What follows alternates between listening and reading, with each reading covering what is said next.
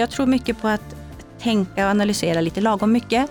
Sen börja testa, prova, aktivt agera och handla och göra och skruva löpande. Hon värnar relationer och leder med tillit, tydlighet och öppet sinne. Möt Anna Pettersson som är regional utvecklingsdirektör. Hon vill att både Skåne och medarbetarna ska växa och våga testa lösningar innan allt är färdigt. Jag heter Anna Strömblad. Det här är Region Skånes chefspodd om hur vi leder tillsammans för framtiden.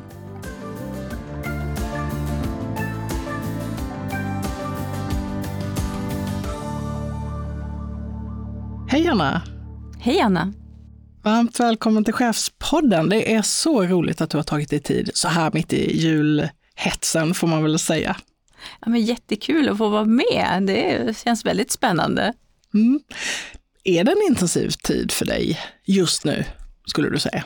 Ja, men jag tänker sådär, vilken tid är inte intensiv? Men, men det är klart att det är mycket för det är alltid mycket innan årsskiftet. Det är mycket som ska slutföras och det är en del formalia som ska redovisas och grejas med i vår verksamhet om man säger så.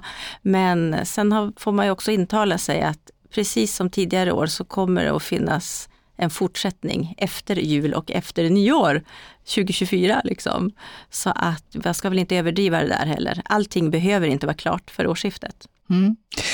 Anna, du är ju regional utvecklingsdirektör i Region Skåne och en del av eh, koncernledningen och har varit ju chef eh, länge. Du har lång erfarenhet av ledarskap och varit chef i eh, över 20 år.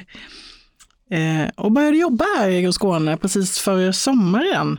Hur ny känner du dig egentligen på jobbet? Du som är så erfaren. Ja, men det är klart att från början där i juni när jag började så var ju väldigt mycket nytt en helt ny, för mig helt ny organisation, en helt ny kontext med Skånes 33 kommuner och aktörerna som man har kontakt med i det regionala utvecklingsarbetet och alla medarbetare. Alla var ju, allt var nytt för mig. Eh, dock så hade jag ju en erfarenhet från regionalt utvecklingsarbete i en annan region att hålla mig i. Så själva den kontexten, regionalt utvecklingsarbete och vad det innebär och hur en region lite mer övergripande fungerar, det har jag ju liksom god erfarenhet ifrån. Och det tillsammans med den fina introduktion och det jättehärliga bemötande jag har fått här har ju hjälpt mig att, tror jag, ändå hyfsat snabbt komma in i rollen som regional utvecklingsdirektör här i Region Skåne. Men absolut, det är fortfarande ett lärande och Skåne är stort och det är väldigt många aktörer. Så det ju, finns ju de som jag inte än har hunnit träffa faktiskt under de här första sex månaderna. Mm, och du eh, har ju flyttat ner från Norrland och är, är dessutom van vid mycket snö. Hur, vad gillar du den skånska vintern? Än så länge tycker jag väldigt mycket om den. Jag tycker att det är ganska skönt att det inte är så kallt. Och eh, nu kom det ju en vända med snö och jag blev jätteförvånad över att det kom en hel decimeter. Och att vi, det... vi var nog ganska många som var ja, förvånade jag faktiskt. Det. Och att det också stannade nästan i en hel vecka. Så. Men, eh, nej, men jag tycker nog att varje årstid har sin charm och jag tycker det är tycker det är både spännande och kul att upptäcka den här delen av landet och hur årstiderna varierar här. Mm. Vi, eh, jag sa ju det att du, du är en erfaren chef och har varit chef i över 20 år, men hur, hur såg vägen dit ut för dig? Tänker du alldeles i början där, liksom hur jag kom in på det här att vara chef och hamnade eller valde att komma till den typen av roller? Ja, från början så sökte jag mig faktiskt till ett jobb. Det första jobbet som hade någon form av chefskap och ledarskap i sig som en ingrediens, det var ett jobb som informationsansvarig eller ansvarig för en informationsenhet på företaget Radiotjänst i Kiruna AB som ju hade hand om dåvarande tv-avgiften. Och det var en lite mindre enhet och som jobbade både med intern kommunikation och med extern kommunikation då ut till de hushåll som man ville skulle börja betala tv-avgift. Eh, så det var det första jobbet och det var nog en kombination av att jag tyckte att det var väldigt roligt att få jobba med kommunikation, information, snedstreck marknadsföring eh, och att leda. Och jag visste också att den här arbetsplatsen eh, hade väldigt god renommé. Verksamheten hade väldigt god renommé. Så det var en kombination av de sakerna som gjorde att jag sökte det jobbet då eh, någon gång i slutet av 90-talet, 1990-talet som det var. Mm. Vad skulle du säga är den största skillnaden för dig med att vara chef idag jämfört med hur det var när du började då för 20 år sedan? Ja, idag är jag ju naturligtvis chef då, har varit under en längre tid chef för liksom en större verksamhet. Och jag har också under årens lopp, Eh, från att ha varit chef för en lite mer sam, ett sammanhållet sakområde, en profession så att säga, så har jag under årens lopp haft olika chefsroller där det har ingått många olika typer av kompetenser och sakområden. Och speciellt liksom inom regional utveckling så är det ju verkligen så att jag numera är en chef som leder andra chefer. Och de här andra cheferna leder kanske i sin tur chefer.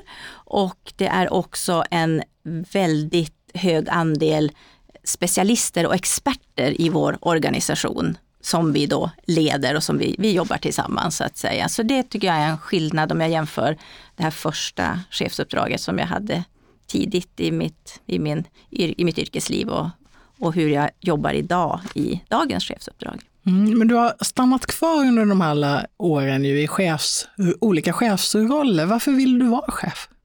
Jag tycker att det är väldigt roligt att jobba tillsammans med andra mot uppsatta mål och att eh, liksom hitta framkomliga vägar, hitta kraft. Jag tycker om, det kan ju låta som en floskel, men det här att se andra människor ta ansvar, växa, göra bra saker. Eh, då känner jag, kan jag vara med och skapa förutsättningar för det. Försöka kratta i manegen, undanröja hinder för att vi som verksamhet och avdelning ska få bra förutsättningar att klara våra mål, det som är liksom uppgiften för oss.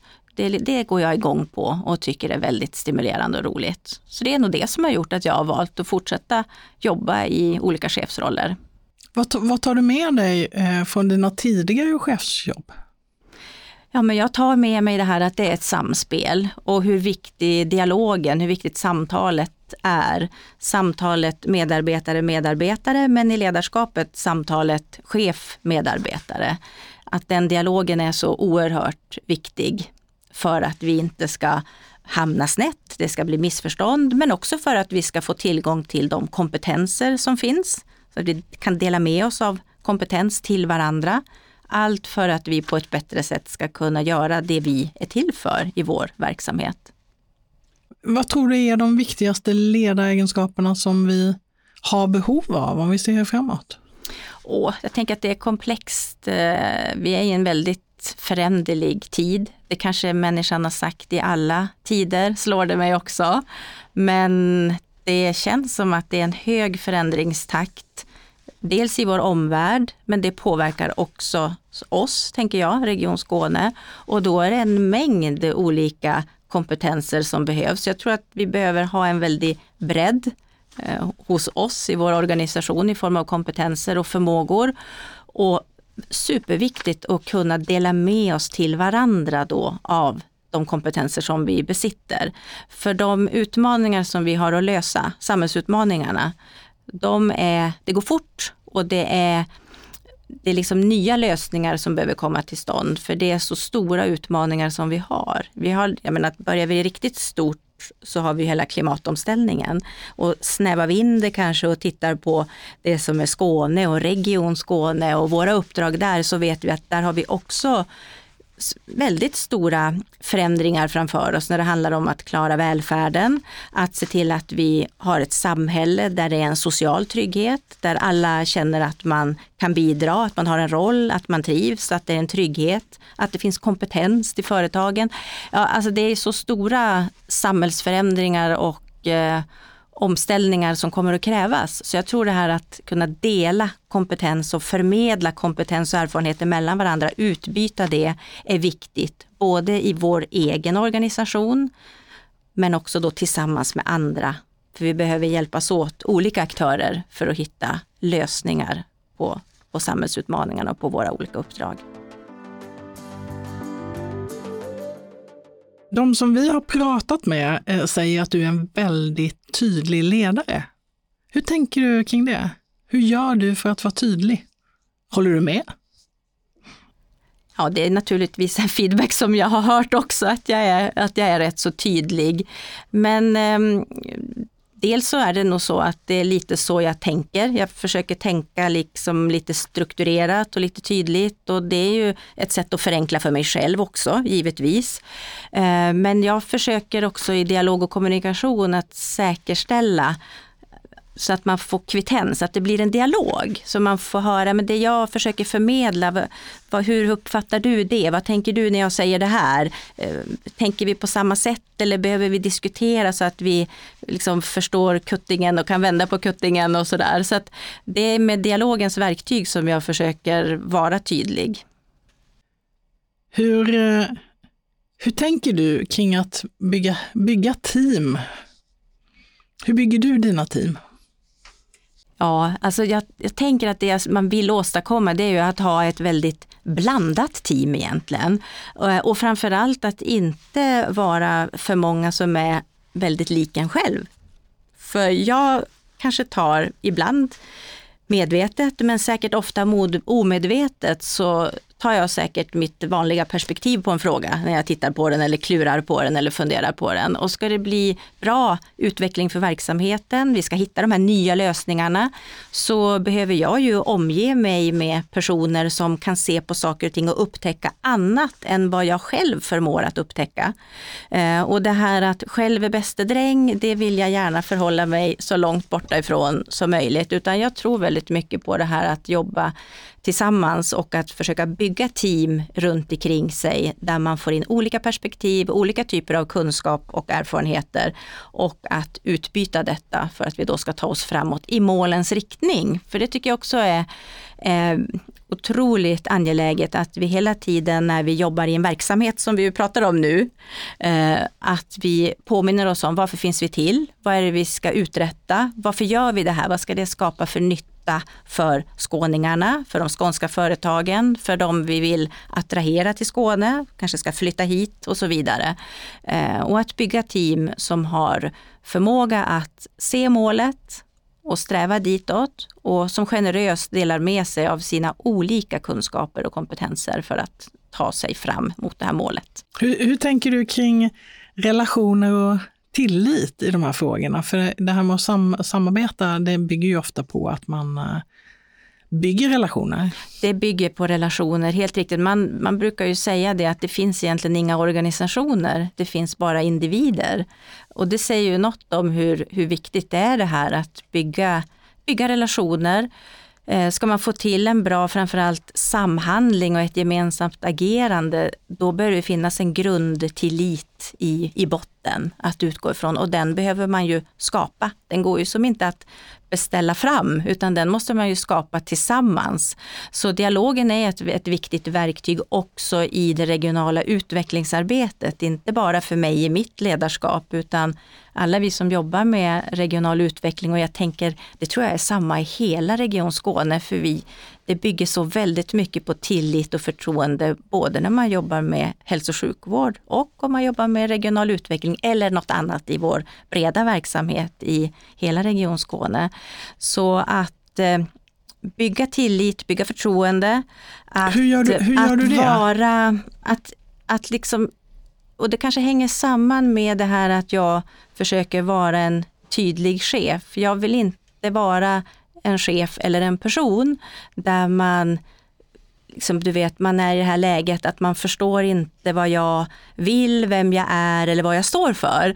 Utan att bygga lite långsiktigt och uthålligt och att också liksom inge den tryggheten inte vara för oväntad faktiskt, utan i en relation har vi, nu träffar ju vi alla kommuner tillsammans med nämndens presidie under 2023 och en bit in på 2024. För oss är det ju jätteviktigt att bygga goda relationer med kommunerna så att de vet vad kan de förvänta sig av Region Skåne? Och vi behöver förstå vad har vad kan vi förvänta oss från kommunerna? Så att vi liksom kan mötas och se, okej, okay, i de här frågorna, där ska vi nu samarbeta lite extra för, för, för att försöka skapa en ännu bättre utveckling för Skåne som helhet. Så mm, att bygga långsiktigt Mm, så relationer och tillit är lättare att bygga om man också är tydlig? Det beror på vad man lägger i de olika orden, tänker jag. Men eh, det här att inte vara för eh, ja, men jag tror att jag är ganska mycket what you see is what you get. Jag brukar jobba med öppna agendor, inte dolda agendor. Jag brukar tänka att i alla relationer, om det så är internt eller om det är externt, att vid varje tidpunkt försöka liksom ge och bidra med den information som jag kan vid den tidpunkten och i den fråga som det gäller. Eh, så. Och att ha det här ärliga uppsåtet och sen brukar jag försöka att tolka välvilligt också. Det tycker jag har hjälpt mig i detta att bygga relationer också professionellt. Mm, och relationer och, och handlar ju väldigt mycket om, om att kommunicera. Eh, och det handlar mycket om att vara kommunikativ eh, som ledare om man vill, vill eh, bygga relationer. Hur, hur, jobbar du med det? På vilket sätt är du kommunik en kommunikativ ledare? Ja, jag försöker att ha stora öron. Jag försöker ta mig tid att lyssna, ta mig tid till dialog. Jag undviker gärna, om det går, allt för mycket mejlande. Jag ser hellre att jag få prata med personer om det är någonting. Jag tycker att det är lättare för mig att förstå vad gäller frågan, vad är det som är kanske en utmaning eller ett problem eller något som skaver. Om jag får prata med personen i fråga, ha möjlighet att ställa någon följdfråga, checka av att jag har förstått vad, vad menar personen, vad är det för budskap som borde gå fram till mig. Eh, så det tycker jag är väldigt värdefullt när jag kan få till det. Och jag tänker idag också när vi jobbar vi jobbar ju rörligt. Eh, så är det ju, det har vi ju kanske gjort i alla tider, men nu har det också kommit till den här dimensionen att vi också jobbar mer på distans med, i och med de digitala möjligheter som finns. Och det tror jag vi alla uppskattar väldigt mycket, men jag tänker det leder till att vi ibland skriver väldigt mycket till varandra på mejl och i chattar. Eh, och jag tror att det är jätteviktigt att också få den här kontakten antingen på Teams, man kan ha Teamsmöten så man ser ansiktsuttryck och kroppsspråk, men också tid för fysiska samtal, möten. För det, är, det ger, i vissa frågor så ger det verkligen ett mervärde att se liksom hela kroppsspråket och få den där känslan som man kan få när man, när man faktiskt träffas fysiskt också.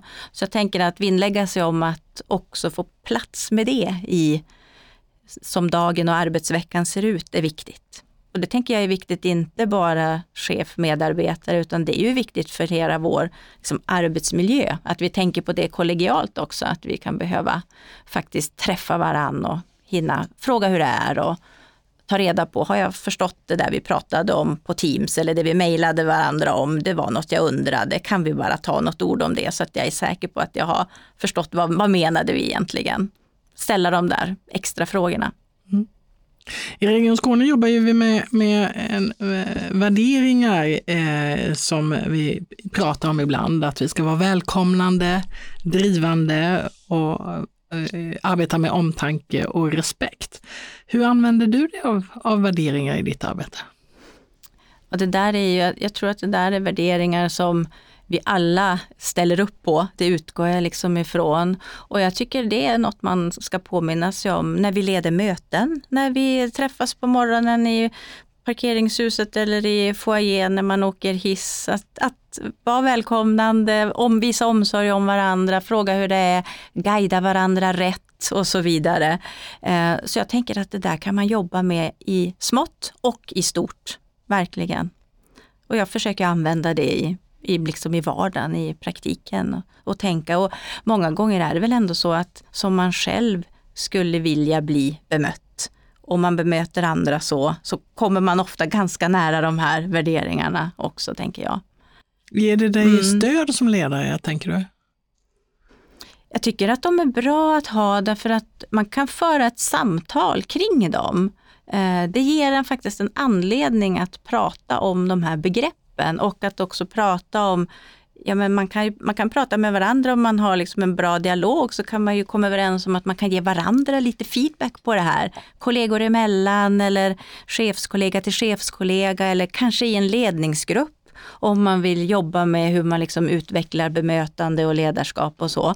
Och i och med att de här finns så kan man ganska lätt ställa varandra små frågor om dem och prata om det.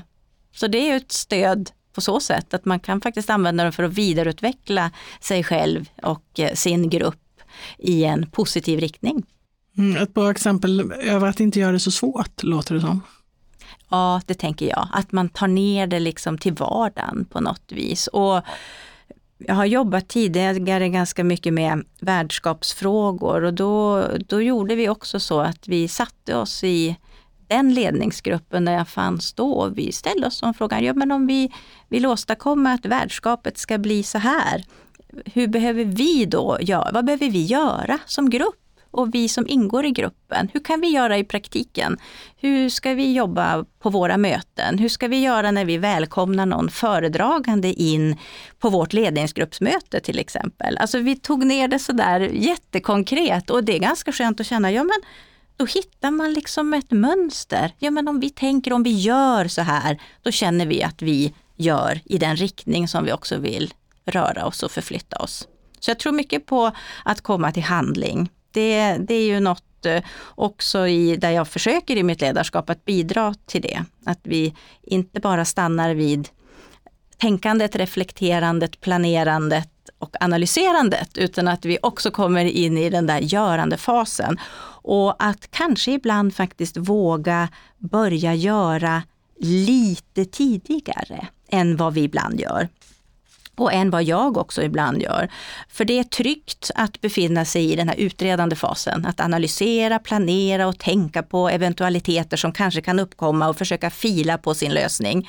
Men det man ofta ser när man sjösätter sin lösning, det är ju att hur mycket man än har filat så är den ändå inte riktigt, riktigt perfekt. För det hinner hända saker i omvärld och kring. Det förändras, vad man skulle, hur man skulle behöva göra. Så jag tror mycket på att tänka och analysera lite lagom mycket Sen börja testa, prova, aktivt agera och handla och göra och skruva löpande. Och våga göra det. Det tror jag rätt mycket på. Så kan man, man vinner också tillbaka att man får ju ganska snabbt då feedback på fungerar det eller fungerar det inte? Och då har man ju möjlighet att skruva och vrida om lite grann och anpassa efter vägen också.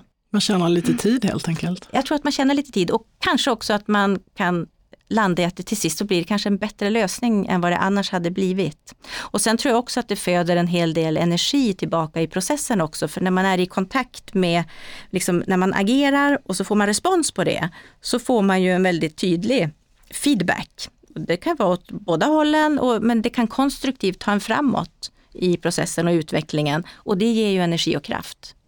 Så inte bara vinna tid utan kanske också få mer energi av det helt enkelt.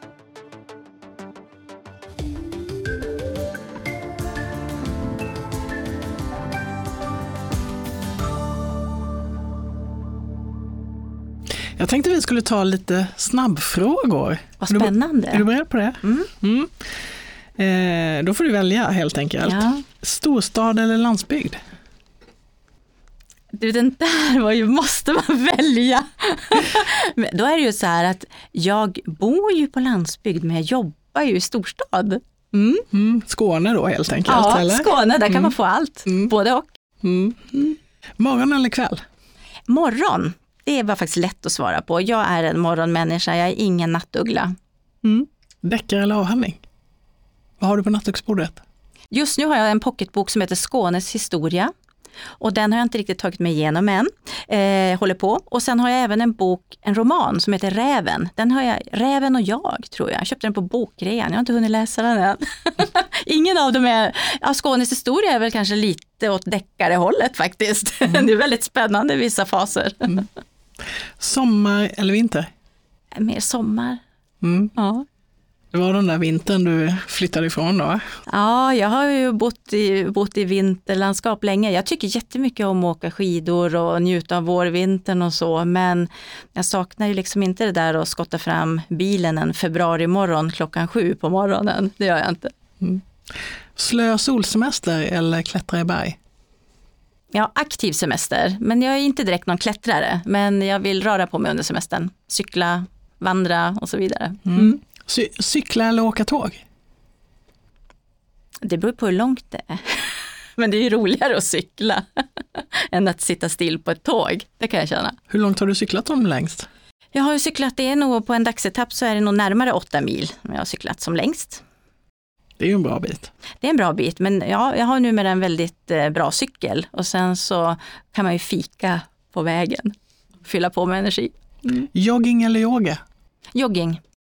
Den var snabb. Den var snabb, jajamän. Jag har roliga upplevelser både från jogging och eh, yoga, men jag har funnit att jogging är mera min grej. Musikal eller Mozart?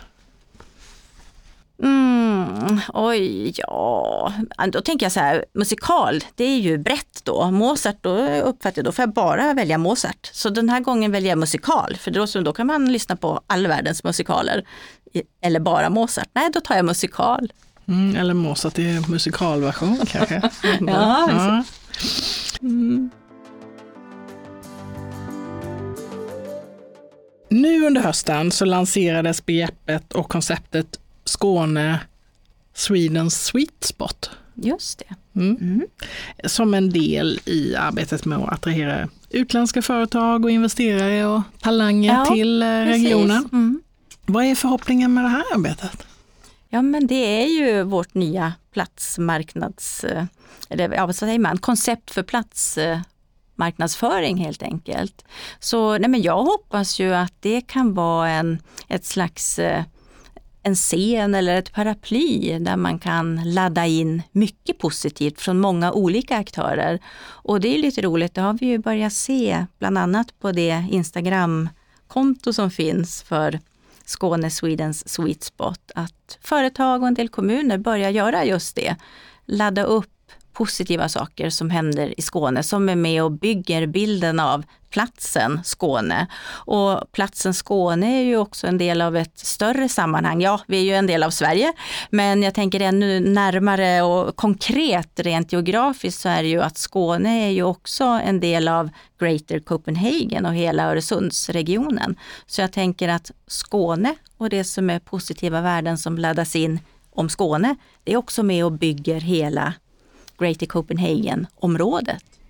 Vad, vad, skulle du, du är en av dem som också har blivit attraherad av Skåne, får man säga, med tanke mm. på att du, du sitter här idag. Mm. Vad, vad, skulle du säga är det bästa med Skåne? Här finns ju väldigt, det finns en väldig bredd här. Vi, har ju en, vi är täta, så det är nära till väldigt mycket och det finns en väldig mångfald om man tänker till den, det företagande som finns. Det är ett brett näringsliv. Eh, så. Vi har både liksom basnäringar och vi har högteknologiska och det är mycket och väldigt hög kvalitet på den forskning som finns i den här regionen. Och vi har ju också, tycker jag, att det, det är ett väldigt öppet öppet mottagande, ett öppet förhållningssätt, en öppen approach. Det är lätt att, att flytta hit tycker jag. Det är min bild så här långt. Och det har jag hört många andra säga också, att eh, det är, det är öppet här. Det är en liksom diversitet och att man bejakar och ser fördelarna av att vi kommer hit från många olika delar av världen och olika delar av Sverige också som för min del då och bidrar med våra olika kompetenser, våra olika perspektiv. Och det tror jag är något att vara rädda om, den här liksom öppenheten som finns. Det finns mycket kraft i den. Mm. Och du har ju ett regionalt uppdrag att jobba med kompetensförsörjning eh, för hela Skåne, inte bara för Region Skåne utan, mm. Eh, utan för hela, hela Skåne att attrahera talanger. Vad, vad skulle du säga är det viktigaste i det arbetet? Ja, det är, en jättestor, det är en, ett jättestort område naturligtvis, för det handlar ju om att egentligen alla verksamheter, både det privata näringslivet, och offentlig sektor, att alla arbetsgivare egentligen ska kunna ha möjlighet att hitta den kompetens man behöver för sina uppdrag och verksamheter. Och det är klart att det här är ju ett tillsammansarbete. Det här är ju ingenting som en part kan lösa. Men från Region Skåne ska vi ju naturligtvis vara med och göra liksom allt det vi kan i vår roll eh, som regional aktör för att bidra till detta. Eh, men det handlar ju dels om att försöka se till att det finns ett utbildningsutbud som är relevant utifrån de jobb som finns i Skåne idag, eh, men också de jobb som kommer att finnas framöver. För det sker ju med tanke på teknologins, alltså hela den tekniska utvecklingen, digitala utvecklingen, eh, det som händer med AI, med grön omställning och så vidare, så ställer ju företag och verksamheter förändrar ju sitt, eh, hur man jobbar med sitt uppdrag och vad man kanske producerar för varor och tjänster. Och då förändras ju den kompetens man behöver. Så jobben förändras och därmed utbildningsbehovet. Så utbildning och att det finns en förutsättning för arbetskraften att liksom lära under hela livet. Så att man kan utbilda sig och bygga på med pusselbitar så att man är relevant på arbetsmarknaden och för, för arbetsgivarna framöver hela tiden. Det är ju jätteviktigt och det är jätteviktigt för verksamheten också att den typen av kompetens då finns. Eh, så. Sen handlar det ju förstås också om att vi kommer säkert att behöva bli fler, tror jag. Eh, vi skulle behöva bli, få fler att vilja välja den här delen av landet, den här delen av världen. Eh, viss typ av kompetens behöver vi kanske få ett inflöde av utifrån.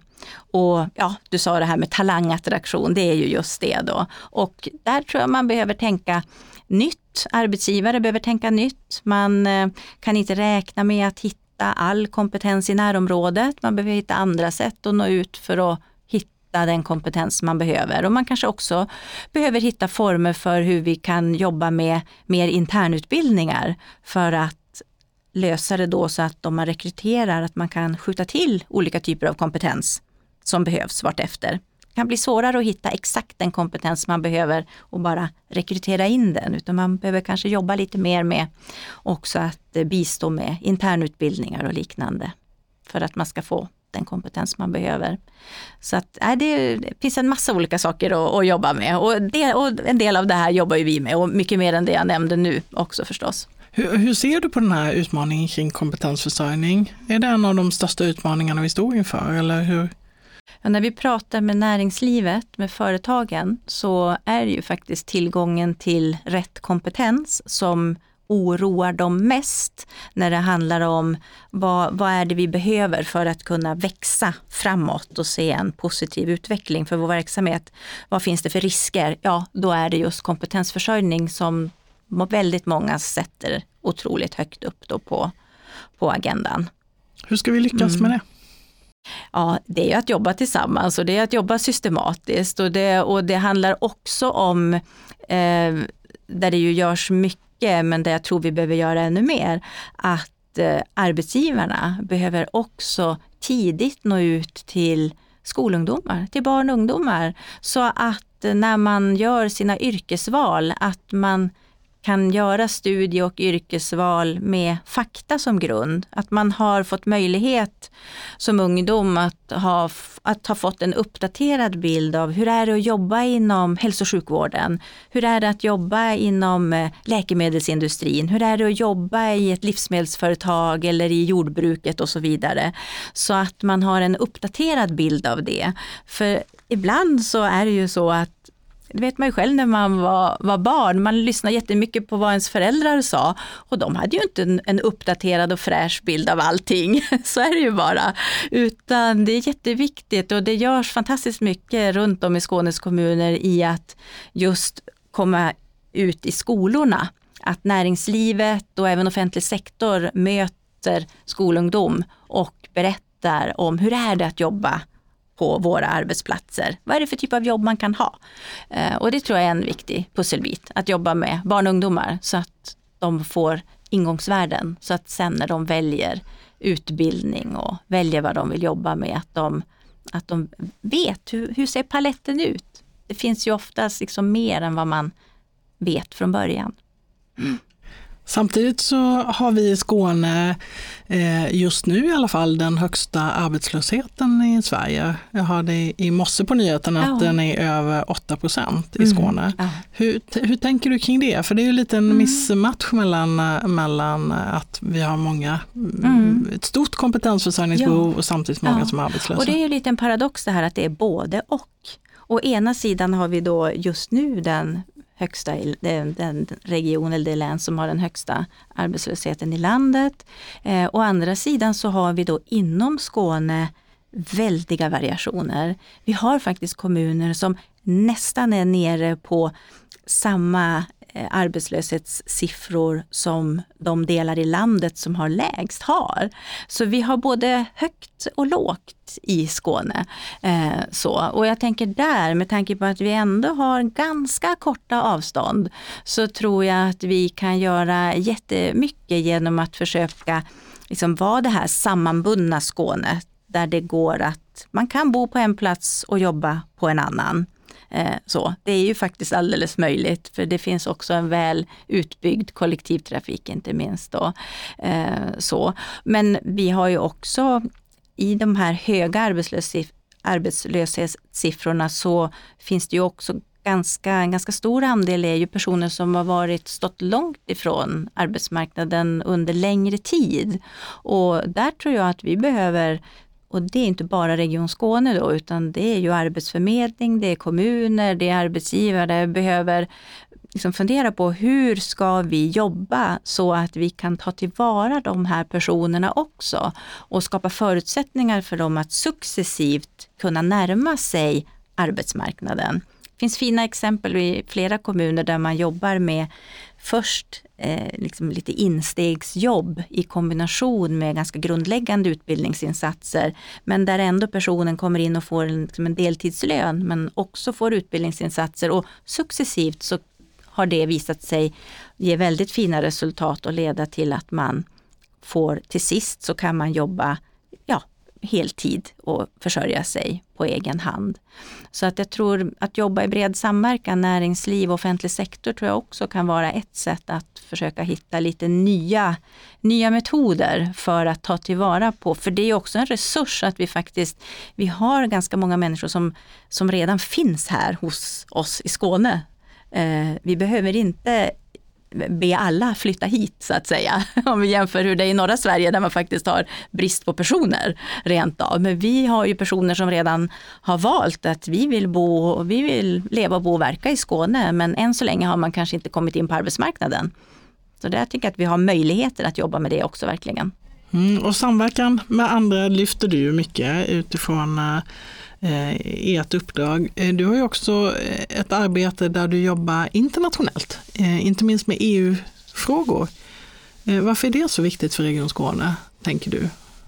Ja, vi finns ju i Region Skåne på den här regionala nivån då, eh, som vi är och jobbar ju väldigt nära den lokala nivån och där har vi ju kommunerna och det är också på den lokala nivån, det är där invånarna finns, det är där företagen har sitt säte. Eh, och sen så har vi då EU-nivån. Och de här olika nivåerna, det brukar vi ju prata om som ett flernivåsystem, ett flernivåstyre. Och beslut som fattas på regional nivå har ju ofta en koppling till nationell nivå. Beslut som fattas på nationell nivå får ju väldigt ofta betydelse för vår regionala nivå, men också den kommunala nivån. Och sammaledes gäller ju kopplingen då till den europeiska, till EU-nivån.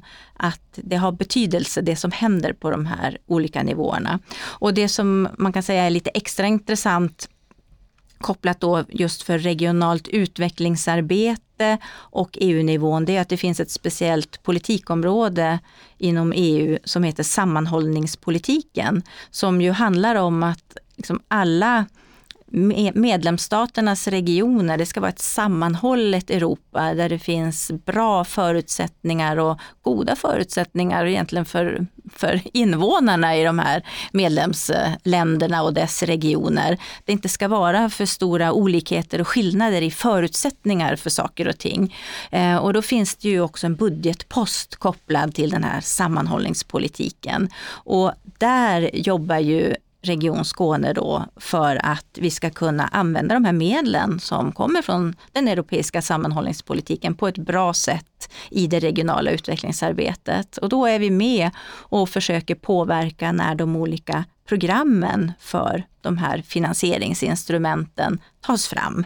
För det skapar ju, där sätts ju liksom regelverket för vad kommer man att få för för medel som fördelas ut över Sverige från EU och också regelverken för hur de kan användas till vilka typer av satsningar för regionalt utvecklingsarbete eller för ut, inom utbildningsområdet exempelvis också, där det finns medel som man kan söka. Vad, vad, är det för frågor som är i luften just nu när det gäller de här EU-delarna? Ja, nu är vi ju mitt inne i en sån här sammanhållningspolitiksperiod då. Och redan nu så har man ändå inom EU börjat tänka på hur ska nästa period formas. Ehm, så att där har ju vår politik då, eh, politiska företrädare börjat förhålla sig till det här och ta reda på. Vi hjälper ju till på tjänstepersonsnivå. Och det man kan se, det har ju varit en, det sker ju liksom en successiv förändring ibland i olika politikområden och det man kan se på EU-nivån är ju att den här sammanhållningspolitiken som just från början har varit till för det här att det ska vara liksom lite lika villkor och man ska kunna utjämna olikheter och så och skapa bra förutsättningar i alla regioner. Det politikområdet det blir liksom mer och mer så att man vill stoppa in en massa olika saker i det. Det ska lösa nästan fler utmaningar och problem än vad som ursprungligen var tänkt. Och det är klart, då, kanske det, då finns det en risk att det blir mindre budget till det som är just detta med den utvecklingen på lokal och regional nivå. Eh, så det är väl en sån där liten heads-up att det kan man behöva hålla ögonen lite på. Vad vill Sverige? Vad vill regionerna framför allt i det? Vill man ha den här ursprungliga tanken att EU det är liksom medlemmarnas EU och att den regionala nivån är viktig där? Eller vartåt kommer det att luta framöver? Så det är en sån där spaning som vi gör på tjänstepersonsnivå och ser att det kan finnas lite sådana vindar som blåser nu. Mm. Mm. Och en av de eh, utmaningarna som finns också på internationell nivå handlar ju om, om hur vi ska jobba med eh, bättre hälsa eh, mm. för fler. Mm. Hur, hur tänker du kring det? Ja, men det är klart, jag tänker väldigt mycket när vi bygger våra samhällen.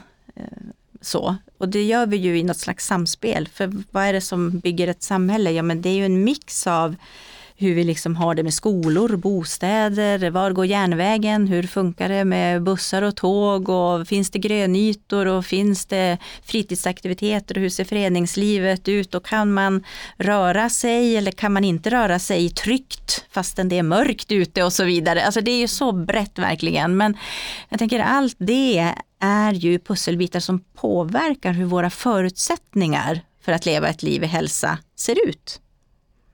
Jag tänker att det hänger ihop och det är stort och vi har, vi har, vi har ju förmånen, tänker Region Skåne, att kunna jobba både med det här som är utanför vår egen organisation och det som är inom och att jobba tillsammans med andra aktörer för att försöka skapa så goda förutsättningar som möjligt. Skulle vi kunna göra mer, som du ser det, kring det här med hälsofrämjande och sjukdomsförebyggande? Ja, men det tror jag säkert att vi skulle kunna göra och det handlar väl också om det här, hur når vi, hur når vi medborgarna, tänker jag. För det, vi jobbar ju kanske ganska ofta så på systemnivå med aktörer. Jag tror jag har sagt aktörer flera gånger, eller jag har sagt det flera gånger. Eh, så. Men i det här fallet med bättre hälsa för fler så handlar det ju också om individen som har en viktig roll kanske, kanske den viktigaste rollen faktiskt. Men eh, med, vi aktörer kanske kan bidra till att skapa förutsättningar eller sänka hinder och undanröja hinder. Eh, så. Men, men sen är det ju individen som också verkligen är nyckelspelaren.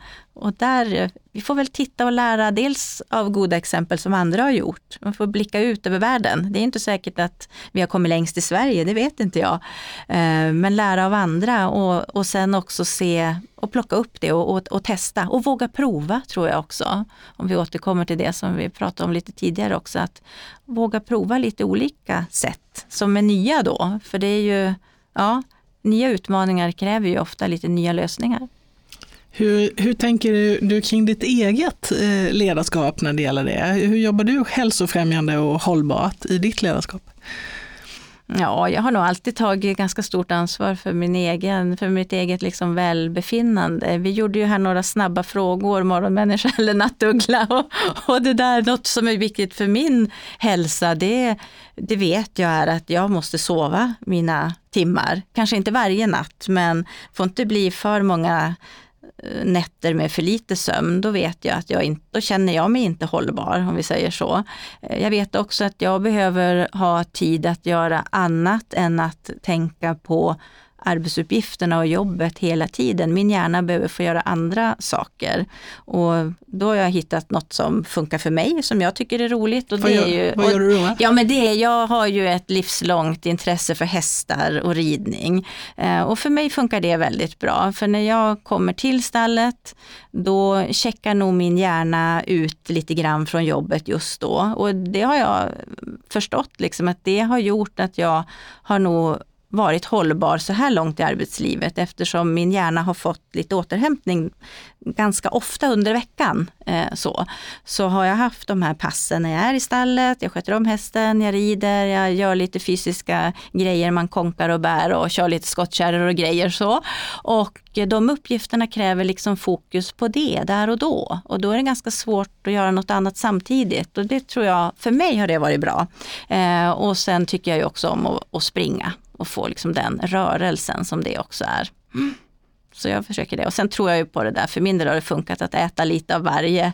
Så jag försakar inte det goda heller. Man får väl hitta sin egen mix.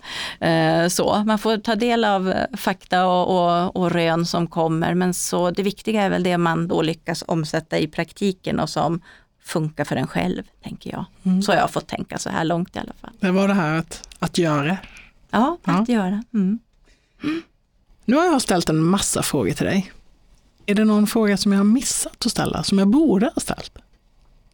Jag vet inte. Det är, man kan ju prata hur länge som helst egentligen. Det är ju en förmån att få, få prata om stimulerande saker tillsammans med dig, Anna. Men eh, jag tycker vi har ju berört både stort och smått och rört oss ute i världen och varit här hemma i Skåne i samtalet. Så att vi har väl svept över det mesta känns det som. Tack för att du kom Anna. Vad ska du göra resten av dagen förresten? Ja, men nu ska jag träffa några av mina kollegor. Vi ska prata lite verksamhetsfrågor.